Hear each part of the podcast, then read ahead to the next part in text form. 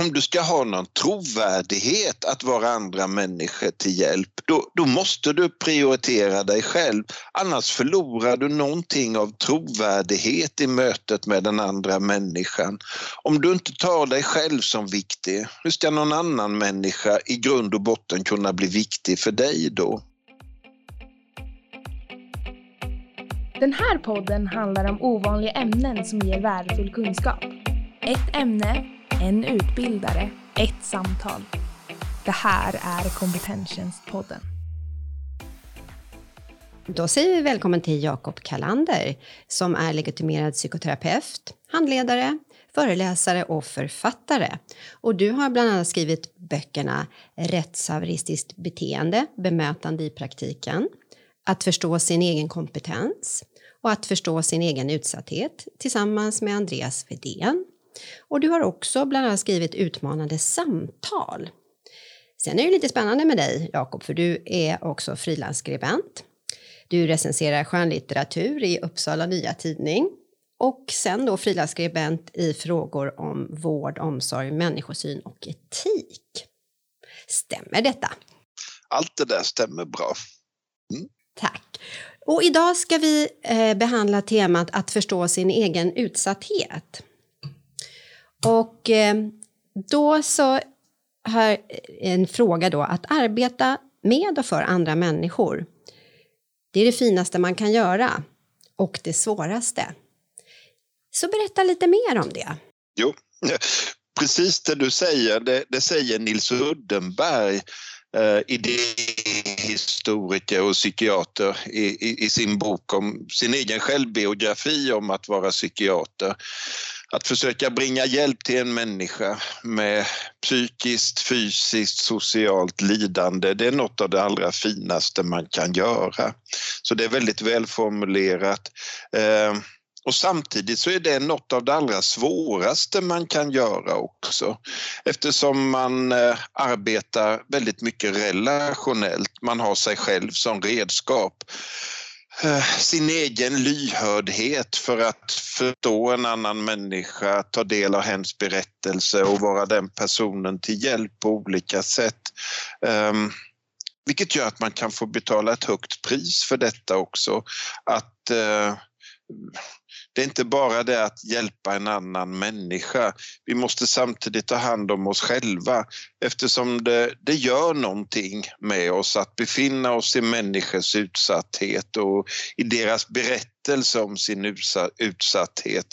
Det skapar också en utsatthet hos den personal som är med om allt detta. Måste man då vara perfekt för att arbeta med andra människor för att klara av det här? Eller hur ser du på saken? Den är också en intressant fråga. Jag tror det perfekta snarast kan förlama en eh, göra allt för mycket nytta. Ingen av oss är perfekt, eh, men eh, när vi strävar efter det perfekta då tror jag att vi nästintill riskerar att tappa bort vår egen kompetens, att vi underkänner oss själva. Vi blir så rädda att göra fel. Så på ett plan så går man omkring som personal inom vård, omsorg, socialtjänst, skola med en gnagande känsla av att vara en bluff. Å andra sidan så avkräver man sig själv perfektionism helt enkelt för att försöka dölja för omvärlden min egen upplevelse av att vara en bluff, vilket i sin tur ofta leder till utbrändhet, utmattningssyndrom,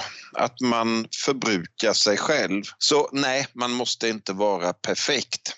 Och det är alldeles okej okay att tvivla på sig själv som eh, personal. Det finns faktiskt en evidensbaserad studie om detta. Vill du höra om den? Jajamän. Det är Rolf Holmqvist, eh, professor i psykologi vid Linköpings universitet, som i en studie har kunnat visa på att personal som i relationella yrken möter sin patient, klient, omsorgstagare, personal som tvivlar på sig själva, som är lite osäkra på om man verkligen duger i det man gör, men som samtidigt tycker om sig själv som människa. den personal visade sig i en undersökning få bäst utfall hos patienter, klienter. Alltså patienten, klienten tyckte att de personerna var de bästa att vara till hjälp på vilket sätt upplevde då patienten, klienten detta? Man upplevde sig lyhörd, man, eh, ly, lyhördhet hos den andra, man upplevde sig förstådd. Man fick de bästa råden för hur man skulle kunna förhålla sig till saker och ting.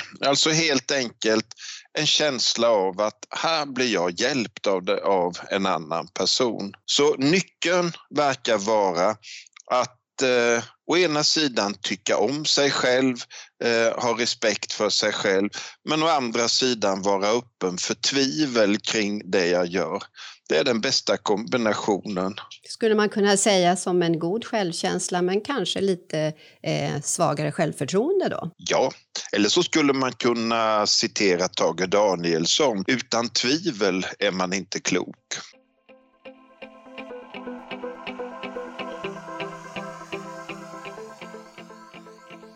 Så det jag förstår utifrån det du säger att även om man har tvivel på sin förmåga så kan man möta individer och där individer, patienter, klienter känner sig väl bemötta och att det är gott nog. Absolut. Jag hade en handledare i Uppsala när jag jobbade i psykiatrin där. Han sa alltid till mig, Jakob, du måste se din egen brist som en stor tillgång i arbetet. Då när jag var ung och ville göra allt rätt så hade jag lite svårt att förstå det. Nu förstår jag det betydligt bättre. Därför i och med att man upplever en brist så är man lyhörd. Man börjar lyssna mer på omgivningen. Man lyssnar mer på patient, klient. Man lyssnar mer på sina kollegor. Och framför allt så lär man sig att lyssna till sig själv.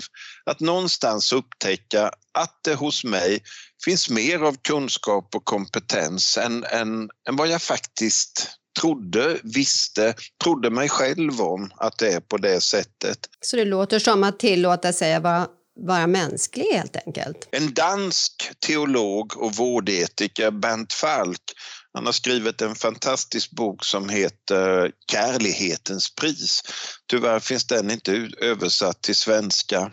Men i den boken så lyfter han fram tanken att vi, personal i människovårdande yrken, i det ögonblick vi samtidigt tillstår vår brist och liksom eh, skäms inte för den, är öppna för den, men samtidigt också tillstår vår egen kompetens, det vi faktiskt kan. I det ögonblicket så uppnår man maximal frihet i det människovårdande yrket.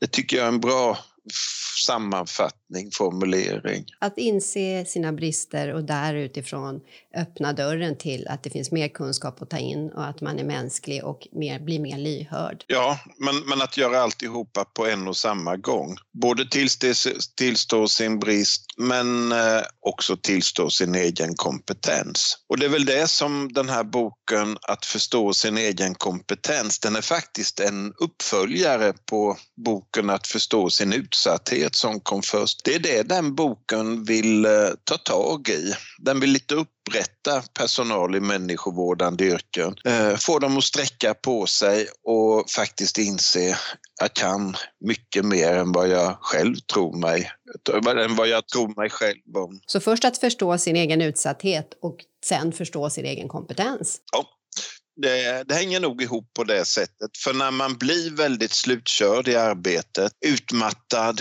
uppgiven, drabbas av eh, lite cynism och bitterhet i arbetet, det är då man också tappar känslan för sin egen kompetens. Den blir liksom ett av de priser vi betalar när vi allt för mycket exponerar oss för det svåra i arbetet och, och, inte klarar av att upprätthålla ett avstånd till det. Hur kan det här ta sig uttryck? Alltså jag tror så här, det, det finns ju två liksom vägar när det blir för mycket av arbetet. En är ju att man, det här klassiska, gå i väggen, bli utbränd, utmattningsdepression, när man inte längre kan ta sig upp ur sängen och om jag gör det när jag sätter mig på cykeln så har jag ingen aning vilket håll jag ska cykla åt för att ta sig till jobbet. Alltså den där totala slutkördheten. Men sen finns det en annan form av utsatthet, egentligen den jag försökt fånga mest, där man fortfarande har de kognitiva och fysiska krafterna i behåll. Men eh, alltså jag, jag kan göra jobbet, men någonting förändras i jobbet för mig. Någonting blir annorlunda. Mitt sätt att se på patienter, klienter, på kollegor, på den egna organisationen och också på mig själv, det genomgår en slags negativ förändring. Och det är just den här cynismen som jag har talat och skrivit om mycket. Man blir cynisk, man blir lite reducerad, vi gör ingen nytta med vårt jobb. Patienter, klienter är bara gnällspikar som manipulerar. Folk bara klagar, gnäller, dör. Är den cynismen någon slags försvar för att stå ut, att vara på arbetsplatsen? Vad, vad ser du att den cynismen handlar om? Jag, jag, jag tror det är liksom hjärnans sätt att desperat skydda oss. När jag själv inte kan upprätthålla avståndet till arbetet, det blir alldeles för mycket av möten, av arbete. Så när jag inte kan upprätthålla det avståndet, inte göra gräns mellan arbete, privatliv, fritid, då är det som att hjärnan eh, löser det åt oss på det där lite uppgivna sättet genom att göra oss cyniska för då får man ett avstånd till saker och ting. Men det är inget bra avstånd. Det blir som en negativ cirkel tänker jag. Ja, alltså du vet cynisk, det är att man tycker sig ha genomskådat tillvaron. Att man förstår precis hur allting är. Nu har jag förstått vad det går ut på. Men eh, man har genomskådat tillvaron på ett sådant sätt att samtidigt som man tycker ha vunnit en slags kunskap så har man också förlorat något värdefullt. Glädje, lust, hopp i livet. Tänker närvaro och empati också. Ja. Går ju förlorad i cynismen. Det, det kan den göra. Ett exempel på cynism eh, det var någon som skrev i en bok så här.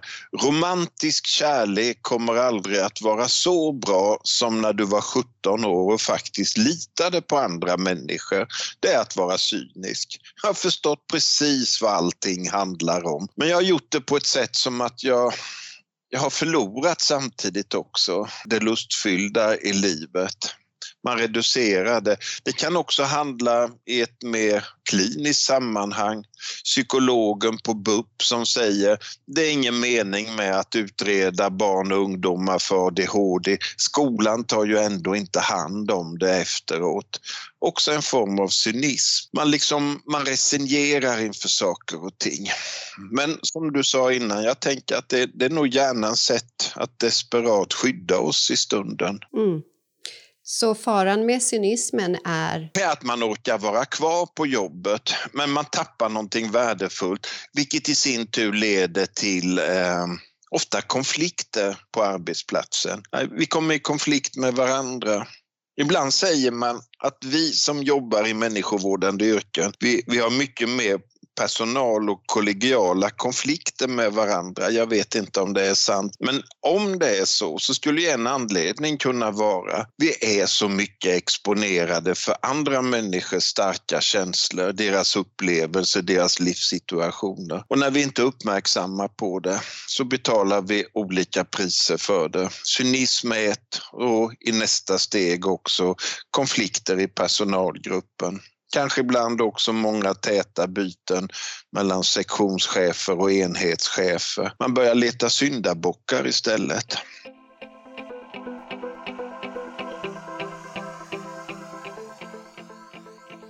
Tänk när vi är inne på temat också, just det här att det kan smitta över känslor, besvär, svårigheter som patient, klient kan komma med. Hur vanligt ser du att det är? Jag skulle vilja säga att det är konstant. Det är den miljön vi lever i. Antingen jag jobbar inom vård, omsorg, socialtjänst, skolmiljö också. Alltså det är ju ett ständigt flöde av andra människors starka känslor ångest kanske framför allt också. Deras oro inför livet, deras misstänksamhet, upprördhet inför det. Vi är ju ständigt exponerade för det där. Hur ska vi klara att hantera det? Genom insikt, genom att prata med varandra, dela med oss av varandras erfarenheter, ställa nyfikna frågor vad är det som händer nu? Varför känner vi på det här sättet? Vad är det som har förändrats sen vi fick den här eleven till klassen eller patienten på avdelningen, klienten till mottagningen och så vidare.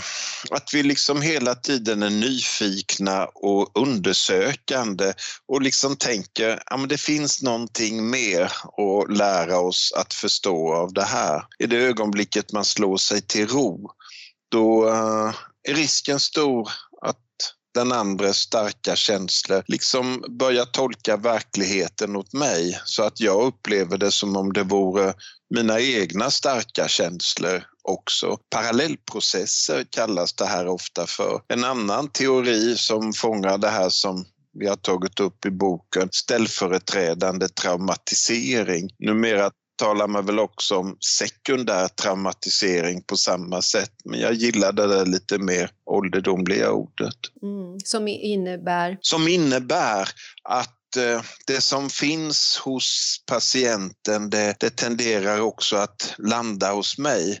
Alltså när man under en längre tid möter människors lidande och deras berättelse berättelse om sitt lidande. Ibland så möter vi också de som utsätter dem för, för det lidandet fysiskt eller mer som en berättelse så riskerar vi också att tappa tilltro till livet, att känna sig alienerad, främmande jord i det. En slags process som av förändringar som inträffar därför att man bryr sig om andra människor som blivit illa gjorda eller råkat illa ut. Man känner ett patos, ett ansvar för att hjälpa dem. Eh, och med tiden så kan det där liksom, den processen leda till förändringar i både psykiskt och fysiskt välmående och den mer existentiella upplevelsen av livet som värdefullt. Vad är då bra strategier för att kunna vara och arbeta med både nyfikenhet, motivation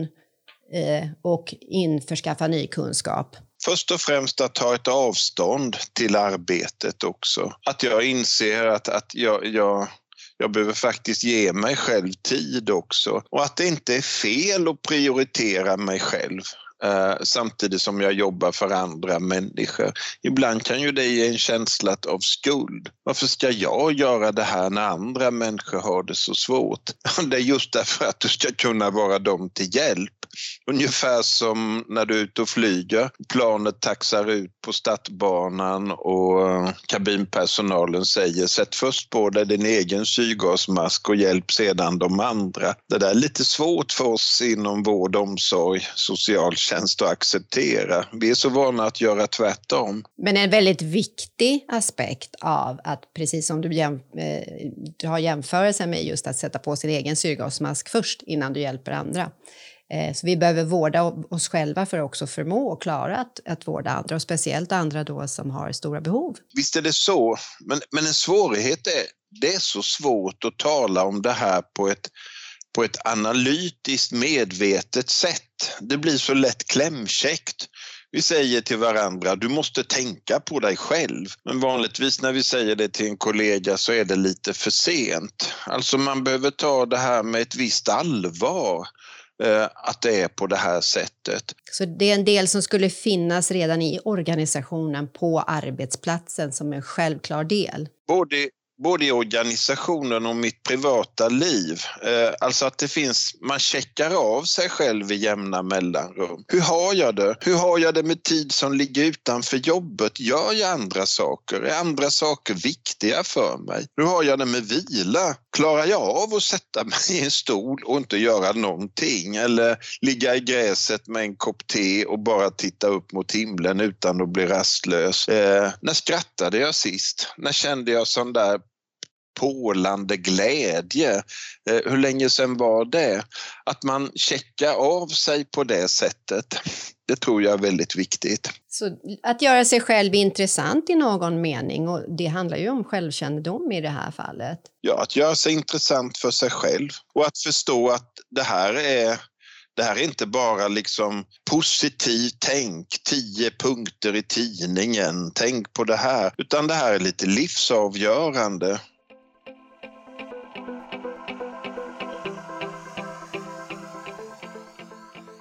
Jag jobbade 14 år som sjukhuspräst i psykiatrin i Uppsala på Ulleråkersområdet. Jag ville egentligen inte bli präst men min pappa hade bestämt att det skulle vara så. När han väl hade fått sin vilja igenom så hittade jag en tjänst som ingen ville ha och det var att vara sjukhuspräst i psykiatrin. Det var pappa missnöjd med. Men nu har du fått som du vill, sa jag till honom och så fick det bli. Och där stannade jag 14 år tills pappa var död. Då lämnade jag prästeriet och blev psykoterapeut istället. Jag hade utbildat mig under tiden. Men det jag skulle berätta om, det är första kvällen på min första arbetsdag på Ulleråkers sjukhus. Jag var 27-28 år gammal. Jag hade väldigt lite erfarenhet av vård i allmänhet och psykiatri, ingenting alls. Vi firade veckomässa i kapellet som fanns på sjukhuset, Gode Hedens kapell. Det här var liksom lite innan sektoriseringen hade slagit igenom och det gamla psykiatriska samhället fanns kvar. Så det var fullt med patienter i bänkarna, skötare som han följde med de som inte hade frigång och där framme stod jag med skruden på och silverkalken i handen. Då reser sig en patient upp, en stadig medelålders man, pekar på mig ganska aggressivt utpekande, vänder sig till de andra och säger Titta på den där fine lille prästen, nu ska han åka hem i sin bil. Han ska äta oxfilé, dricka vin ikväll och ligga i soffan och titta på TV. Och vi, vad ska vi göra? Vi ska gå upp till avdelningen, äta rester från lunch, slåss om vilken kanal vi ska se på den enda tvn. Sen vände han sig mot mig igen och sa ganska bryskt. Kallar du det för rättvisa, lille präst? Blodet frös till is i mina ådror. Jag hade ingen aning vad jag skulle svara. Naturligtvis var det inte rättvist. Vad trodde jag att jag höll på med? Jag fick en tanke genom huvudet. Jag kanske borde bjuda hem alla. Eh, men det avfärdade tanken på en gång som gränslös. Jag skulle nog inte få vara kvar på Ulleråker då. Till slut var jag tvungen att erkänna, ja du har rätt. Det ska bli skönt att åka hem. Jag är trött efter den här dagen. Det blir väl inte oxfilé gelé och vin ikväll precis men någonting som jag tycker om. Jag hoppas att du får komma hem snart och äta din mat, titta på dina tv-program. Sen rusade jag in i det där lilla rummet som finns bredvid sakristia där prästen byter om. Där inne stannade jag 20 minuter så jag tänkte att nu har alla hunnit gå sin väg. Jag hade ingen lust att möta någon efteråt. Men när jag kom ut så står den där patienten kvar där. Han väntar på mig och jag inser nu får jag en utskällning till. Men det fick jag inte utan istället gick han fram till mig, log mot mig, skakade handen och eh, sa sådär lite faderligt nästan till mig. Välkommen hit till Ulleråker lille präst. Du kanske kan göra lite nytta här ändå. Och sen gick han sin väg. Jag såg honom aldrig mer. Vad den där liksom händelsen har, har, har gett hos mig, det är ju den här liksom övertygelsen att om du ska ha någon trovärdighet att vara andra människor till hjälp, då, då måste du prioritera dig själv. Annars förlorar du någonting av trovärdighet i mötet med den andra människan. Om du inte tar dig själv som viktig, hur ska någon annan människa i grund och botten kunna bli viktig för dig då?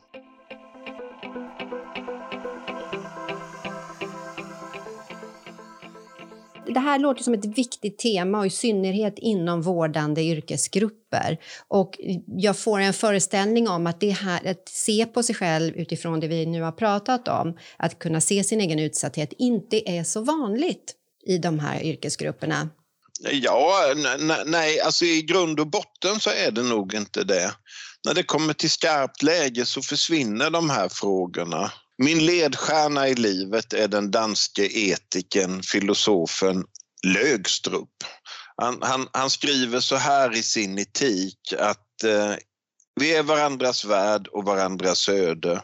Och så skriver han, i varje möte med en annan människa har jag något av hens liv i min hand. Det där har vi begrundat mycket i värdegrundsarbete, bemödande, bemötande kurser och så här. Eh, vårt ansvar för den andra personen, den makt vi har över den personen. Men, men sen fortsätter Lögstrup, men hen har också något av mitt liv i sin hand den där ofrivilliga makten som patienten, klienten har över mig genom att faktiskt vara den utsatta personen som jag möter. Inget skuldbeläggande och inget moraliserande, det är ju bara på det sättet.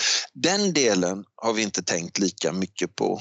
Den har vi försummat underskattat. Kan du beskriva lite mer om det? Den delen patienten har av då mig som, som vårdgivare? Ja, alltså dels patientens själva utsatthet, den förväntan. Det är liksom det. När jag möter en människa som är utsatt eh, upplever smärta, fysisk smärta, social smärta, eh, psykisk smärta smärta, existentiell smärta också får vi inte glömma bort. Då är ju det någon slags imperativ, liksom en, en uppmaning till mig. Jag ska göra någonting, jag ska gå in och agera. Och det där imperativet kan ju ibland vara ganska aggressivt formulerat hos den andra. Det är din skyldighet, jag kräver att du gör detta. Ibland ser kraven ut på ett sätt som inte riktigt överensstämmer med vad jag kan eller är beredd att att göra. Det finns också patientens, klientens kritik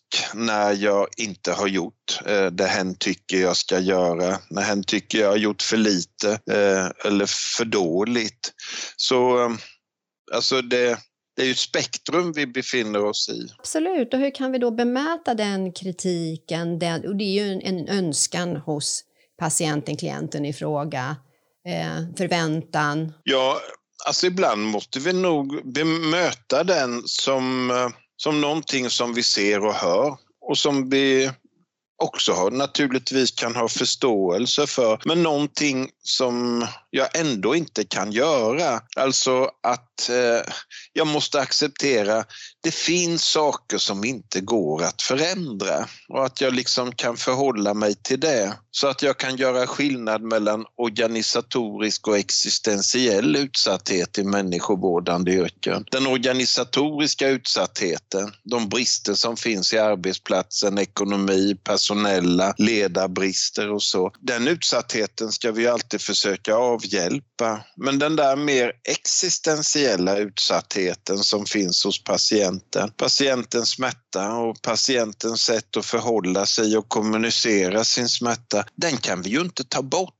den måste vi mer lära oss att hantera med insikt och förståelse. Eh, men ofta försöker vi lösa den på ett sätt som eh, kräver av oss att vi ska göra allt mer. Den, den, den måste försvinna till varje pris, men det är ju inte möjligt. Nej, en acceptans för det som är och ett bemötande av det som sägs. Skulle man kunna säga det? Och tänker jag också då en, en förmåga att göra skillnad på de här två delarna. Organisatorisk utsatthet måste åtgärdas, existentiell utsatthet måste vi lära oss förstå. Brister i en organisation kan avhjälpas den brist som är kopplad till människors existentiella och psykologiska utsatthet behöver vi snarare lära oss att leva med, tolka och förstå. Och det är väl när vi försöker arbeta oss ur den situationen, det är då vi bränner slut på oss själva. Alltså här är det ju som att det egna ansvaret på fritiden, att se över hur man mår, precis som du var inne på, hur man sover, om när man skrattade sist och hur, om man har några aktiviteter som fyller på energi. Men också inom organisation, arbetet där också. Jag tänker, eh, är det här en eftersatt eh, utbildning, i utbildningen eftersatt eh, förhållningssätt? Att rikta blicken också mot sig själv och sitt eget välbefinnande? Jag skulle vilja säga att det är nog svårt att placera den i utbildningen. Själv har jag tänkt när jag föreläser, eh, det är lättare att föreläsa för personal som har ett gott stycke erfarenhet med sig de förstår alltid precis vad det är jag säger. Jag blir förstådd på rätt sätt. Men när jag föreläser på en grundutbildning, socionomutbildning, psykologutbildning, eh, läkare eller sjuksköterskeutbildning, det är mycket svårare därför att det här är någonting som kommer med mötet med den andra personen, patienten, klienten. Och, och att, att tala om det här innan det där mötet har varit det låter sig göras och vi har ju andra situationer att knyta an till i livet.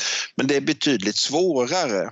Så jag tror framför allt att lägga det här, inte i grundutbildning, även om det ska finnas med där också, men, än mer på själva arbetsplatsen.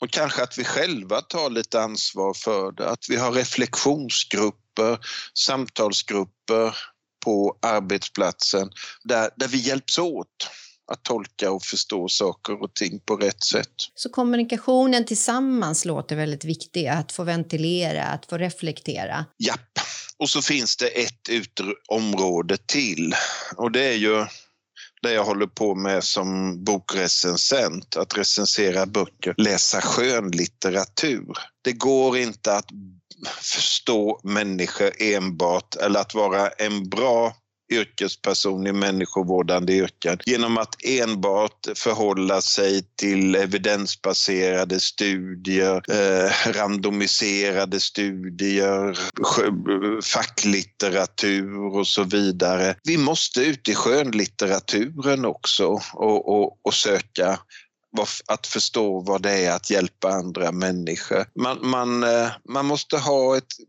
ett gott intresse för berättelser berättelser överhuvudtaget. Så att patientens berättelse silas genom eh, andra berättelser också.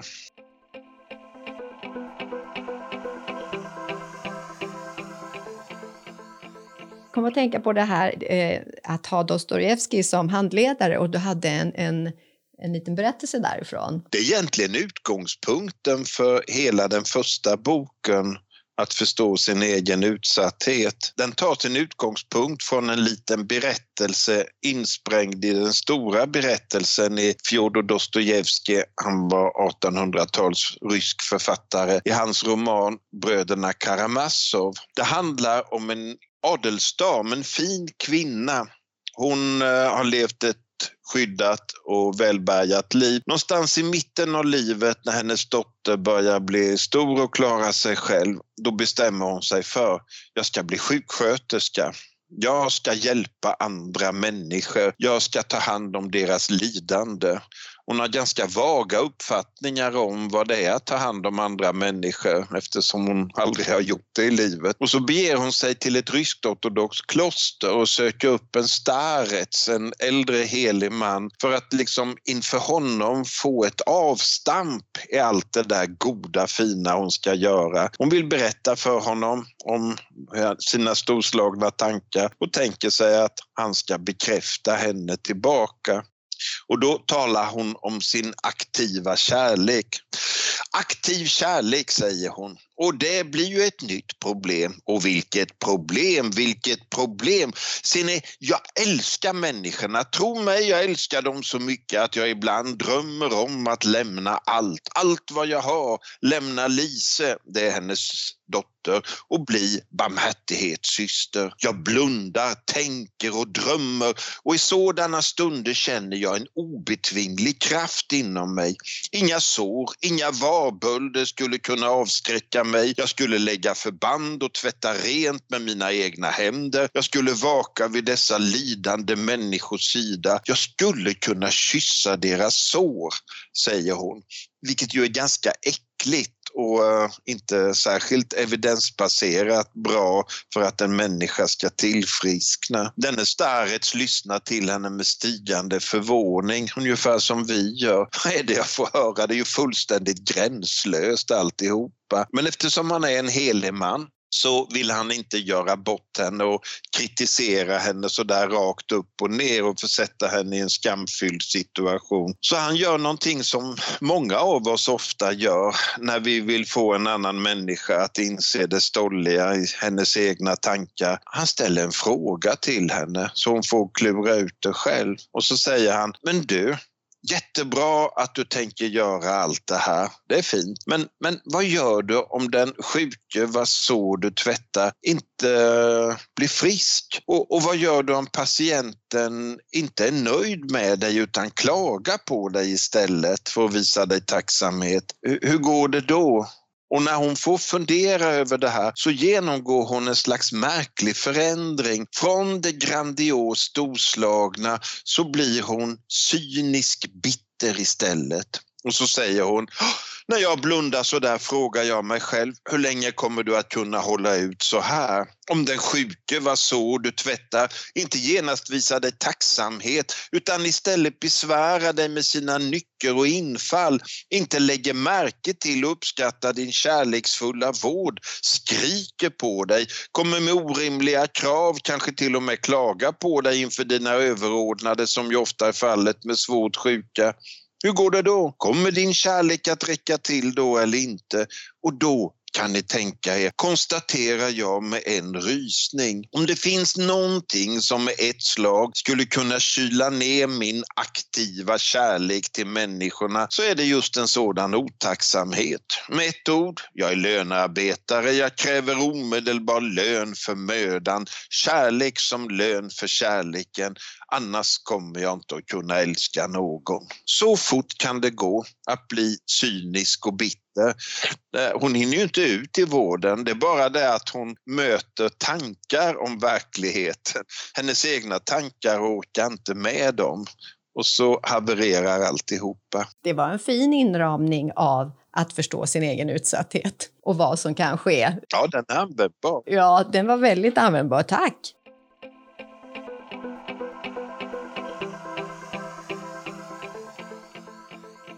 Så slutligen då, Jakob, vad, vad är det vi, du ser att vi behöver göra eh, utöver? Det låter ju precis som du säger, låter enkelt, fundera på vad, vad, hur du har det, om du sover ordentligt och så vidare. Och det kan vi ju konstatera. Men hur kan vi då aktivt faktiskt grunda det här i oss och ändra ett, ett, ett levnadsmönster, ett, ett beteendemönster? Här är ju lätt att sätta upp sådana här tio punkter. Det vill jag inte gärna göra. Tänk på det här, samtala om det här och framförallt liksom återigen detta med berättelse. Skaffa dig mycket input, många olika erfarenheter. Eh, det blir ett sätt att hantera jobbet. Karin Blixen, den danska författaren, hon sa en gång allt lidande kan bli buret om det finner en plats i en berättelse eller om du berättar en historia om det. Och, och alltså vi behöver vi behöver berättelser för att fånga upp alla de berättelser vi möter i arbetet på olika sätt. Böcker, film, litteratur, teater, eh, allting som är användbart som berättelse, det tror jag är en viktig del. Det är naturligtvis inte den enda delen. Men sen att på olika sätt jobba med att upprätthålla ett gott avstånd, tycka om mitt arbete, tycka om människor jag möter, men också ha distans till det och har distans till mig själv eh, så att jag inte tar mig själv på allt för stort allvar heller. Avståndet är en förutsättning för att man ska kunna vara en annan människa till hjälp. Och så gäller det nog också alltså, att förstå hela empatibegreppet. Att empati betyder inte att jag gör en människa hel igen. Det kanske inte går riktigt. Empati är att jag gör det jag kan göra för den människa som i det här sammanhanget inte är hel. Så att vi liksom inte förändrar empatibegreppet till det perfekta. Då kommer vi att svika människor och göra slut på oss själva. Det låter väl läskigt? Utgivare av denna podd är Kompetenstjänst. Ett utbildningsföretag som erbjuder utbildningar och föreläsningar för fortbildning inom offentlig sektor. Så missa inte den korta versionen av detta avsnitt för ännu mer tips och kunskap.